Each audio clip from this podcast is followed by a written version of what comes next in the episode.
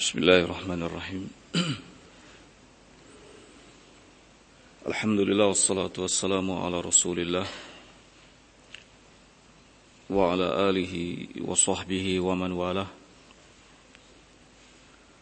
وأشهد أن لا إله إلا الله وحده لا شريك له. وأشهد أن محمدا عبده ورسوله. يقول الله سبحانه وتعالى في كتابه الكريم يا أيها الذين آمنوا اتقوا الله حق تقاته ولا تموتن إلا وأنتم مسلمون. يا أيها الناس اتقوا ربكم الذي خلقكم من نفس واحدة وخلق منها زوجها وبث منهما رجالا كثيرا ونساء واتقوا الله الذي تساءلون به والأرحام. إن الله كان عليكم رقيبا. يا أيها الذين آمنوا اتقوا الله وقولوا قولا سديدا يصلح لكم أعمالكم ويغفر لكم ذنوبكم. ومن يطع الله ورسوله فقد فاز فوزا عظيما. أما بعد فإن أصدق الحديث كلام الله تعالى وخير الهدي هدي محمد صلى الله عليه وعلى آله وسلم وشر الأمور محدثاتها فإن كل محدثة في دين الله بدعة وكل بدعة ضلالة وكل ضلالة في النار.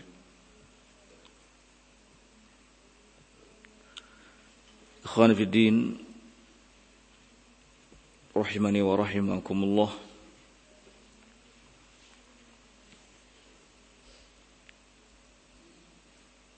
Menuntut ilmu din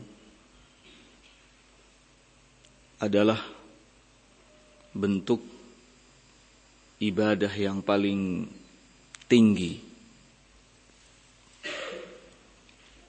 Dan bentuk mendekatkan diri kepada Allah Subhanahu wa taala yang paling utama.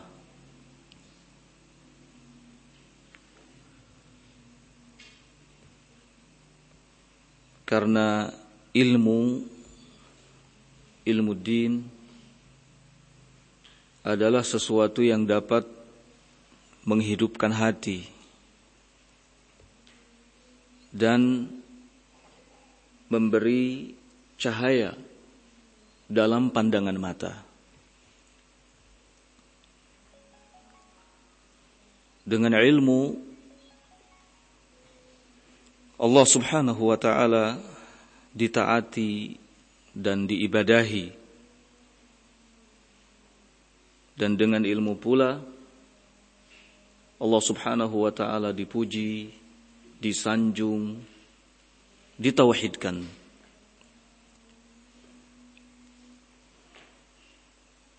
Dengan ilmu kita dapat mengetahui perkara-perkara yang halal dari perkara-perkara yang haram.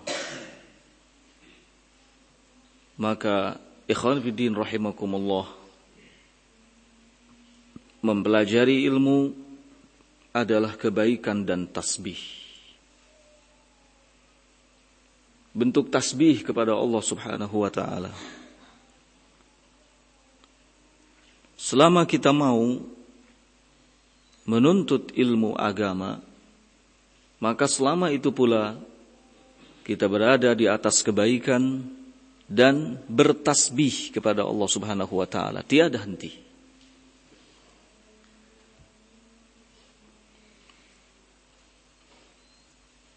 Maka para penuntut ilmu selama mereka bersabar, bertahan,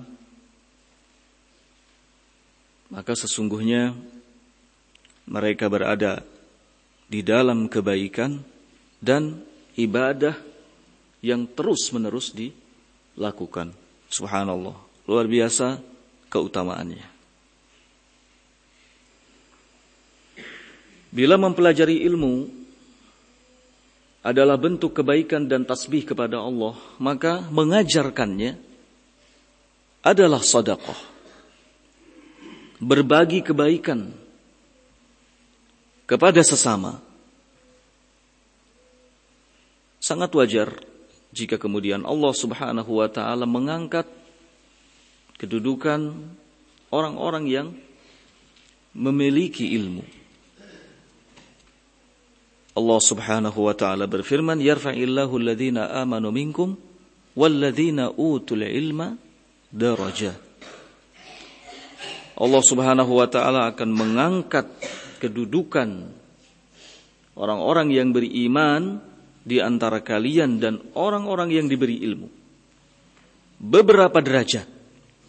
Bukan hanya satu derajat tapi beberapa derajat.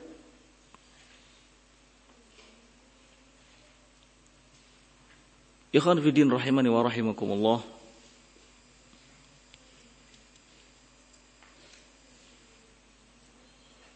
Wasilah untuk mendapatkan ilmu memang banyak.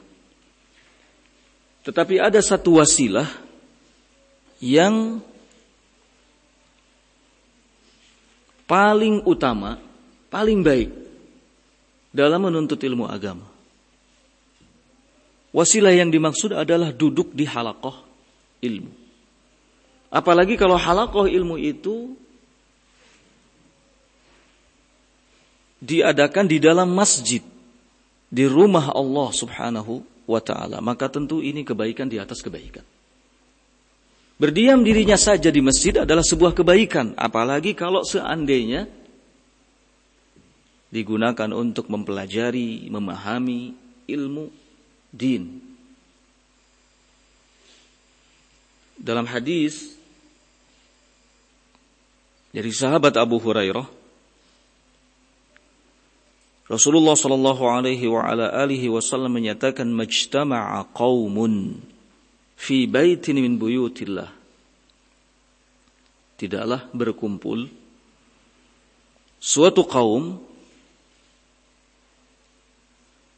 di salah satu dari rumah Allah yatluna kitab Allah mereka membaca kitab Allah wa yatadarasuna bainahum kemudian saling mempelajarinya antar mereka illa nazalat alaihimus sakinah melainkan akan turun kepada mereka ketenangan.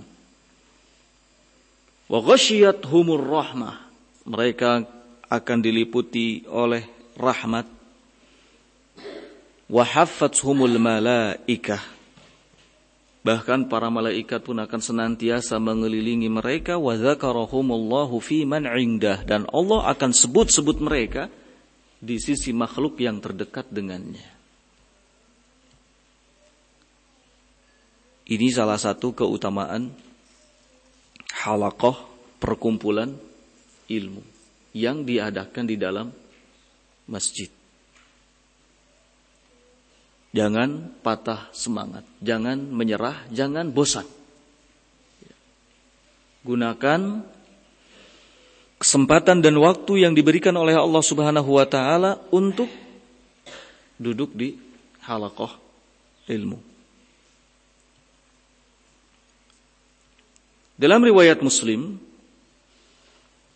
Rasulullah Shallallahu Alaihi wa ala alihi Wasallam menyatakan, "Afala yagdu ahadukum ilal masjidi, fayata'allam, atau yaqra ayatain min kitabillah, khairun lahu min naqatain, wa thalath khairun lahu min thalath, wa arba' khairun lahu min arba'." Tidakkah ada salah seorang di antara kalian yang berangkat menuju masjid? Afala yagdu ahadukum ilal masjid. Fayata'allam.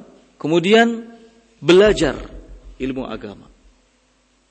Au yaqra ayatain atau membaca dua ayat dari Al-Qur'an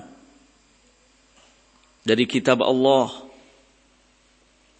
khairun lahum min naqatain kata Rasulullah sallallahu alaihi wasallam sungguh itu lebih baik baginya daripada dua unta unta itu binatang atau hewan yang paling mahal harganya ya.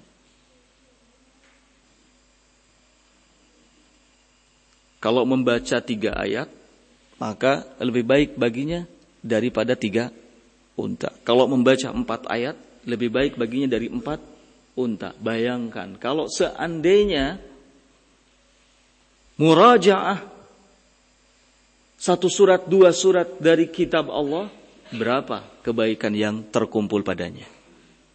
Ya. Maka jangan disepelekan.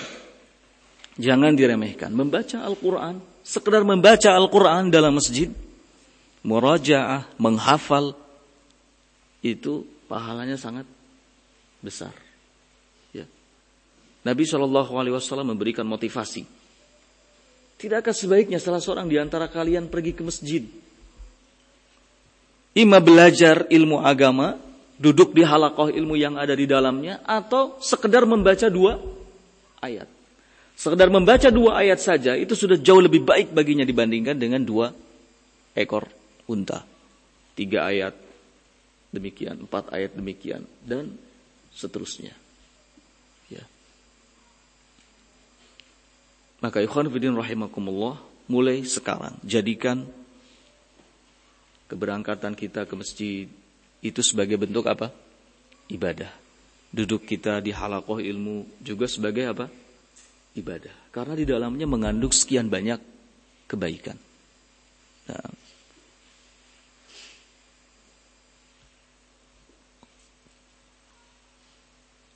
Jangan dijadikan sebagai rutinitas, jangan dianggap sebagai aktivitas biasa. Ya, para penuntut ilmu anggap dan yakini kalau itu adalah ibadah. Maka jangan pernah bosan.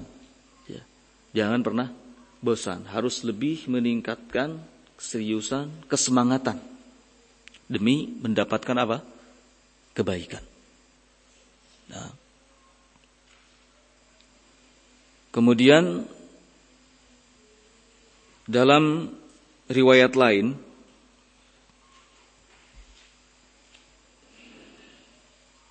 dalam Sahih Al-Bukhari Rasulullah sallallahu alaihi wa ala alihi wasallam menyatakan inna lillahi malaikatun yatufuna fit turuq. Sesungguhnya Allah Subhanahu wa taala itu memiliki para malaikat yang para malaikat ini yatufuna fit turuq berkeliling di jalan-jalan. Ya. Berkeliling di jalan-jalan para malaikat ini. Yaltamisuna ahla dzikr. Mencari orang-orang yang selalu berzikir, selalu mengingat Allah Subhanahu wa taala. Dalam riwayat lain disebutkan mencari adakah halakoh ilmu, halakoh zikir Faida wajadu kauman yadhkuruna Allah tanadau halumu ila. Apabila mereka para malaikat ini mendapati ada suatu kaum yang sedang mengingat Allah, ya,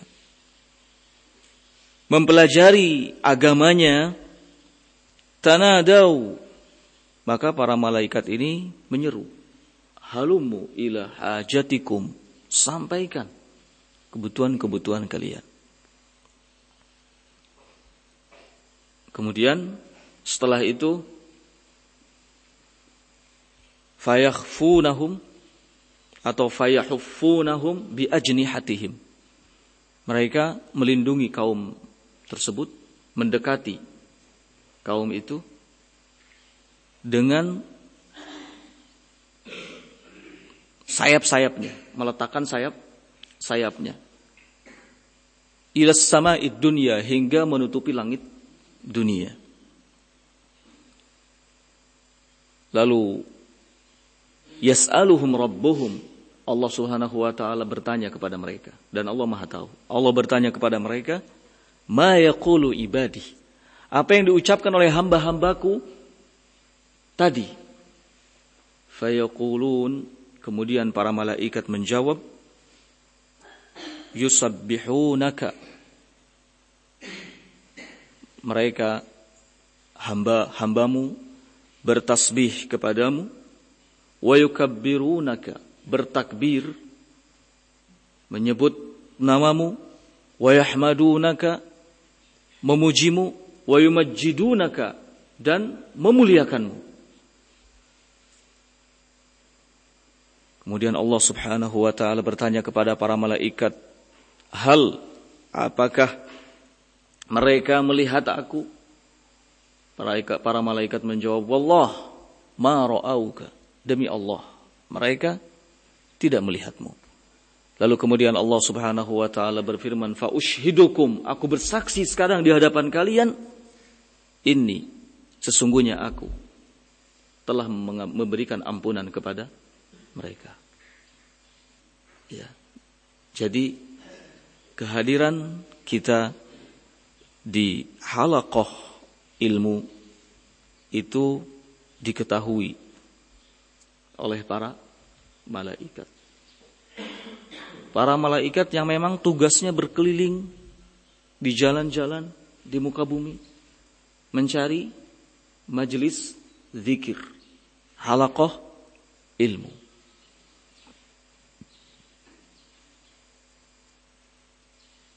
Keutamaan yang sangat besar. Ya. Keutamaan yang sangat luar biasa. Keutamaan yang tidak didapat oleh orang-orang yang berkumpul di satu tempat tetapi bukan dalam rangka mempelajari ilmu agama.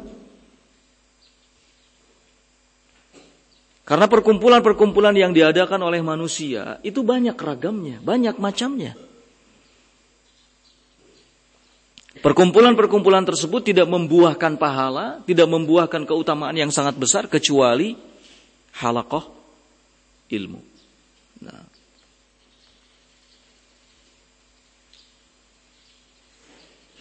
Dulu sahabat Abu Hurairah radhiyallahu taalaan sahabat Abu Hurairah beliau keluar dari rumahnya menuju pasar. Kemudian mendapati dan melihat banyak orang yang melakukan transaksi jual beli dari pagi sampai sore menghabiskan waktunya untuk itu. Lalu sahabat Abu Hurairah berkata kepada mereka, warisan yang ditinggalkan oleh Nabi Shallallahu Alaihi Wasallam dibagi-bagikan di dalam masjid sementara kalian masih betah di sini. Orang-orang heran, kaget. Ya. Akhirnya mereka berbondong-bondong menuju masjid. Ketika sudah datang di masjid, mereka tidak mendapati ada orang yang sedang membagi-bagikan warisan. Akhirnya mereka kembali lagi. Kembali ke mana? Kembali ke pasar. Lalu sahabat Abu Hurairah bertanya kepada mereka, "Hal tajiduna syai'an? Ra'aitum?" Apa yang kalian lihat tadi? Orang-orang itu menjawab, kami tidak melihat ada orang yang sedang membagi-bagikan warisan. Yang kami lihat ada orang yang sedang sholat, ada orang-orang yang sedang membaca Al-Quran, ada juga orang-orang yang sedang mempelajari soal halal, soal haram. Kata sahabat Abu Hurairah, hak celaka kalian. hakum celaka kalian. Zaka mirasun Nabi sallallahu alaihi wasallam. Itulah warisan Nabi sallallahu alaihi wasallam yang sedang dibagi bagikan. Ya. Maka yang beruntung adalah yang mengetahuinya dan memanfaatkan waktunya untuk mendapatkan warisan Nabi Sallallahu Alaihi wa ala alihi wasallam. Nah, jangan habiskan waktu ya satu kali 24 jam hanya untuk urusan dunia. Sisakan waktu sebagiannya untuk beribadah, datang ke masjid, duduk di majelis ilmu. Itu Masya Allah. Ya. Dunia kita dapat dan warisan yang ditinggalkan oleh Nabi Shallallahu Alaihi Wasallam pun kita mendapatkannya. Nah, Semoga Allah Subhanahu wa taala memberikan taufik kepada kita kepada setiap apa yang dicintai dan diridhoi oleh Allah Subhanahu وتعالى. سبحانك اللهم وبحمدك أشهد أن لا إله إلا أنت أستغفرك وأتوب إليك والحمد لله رب العالمين.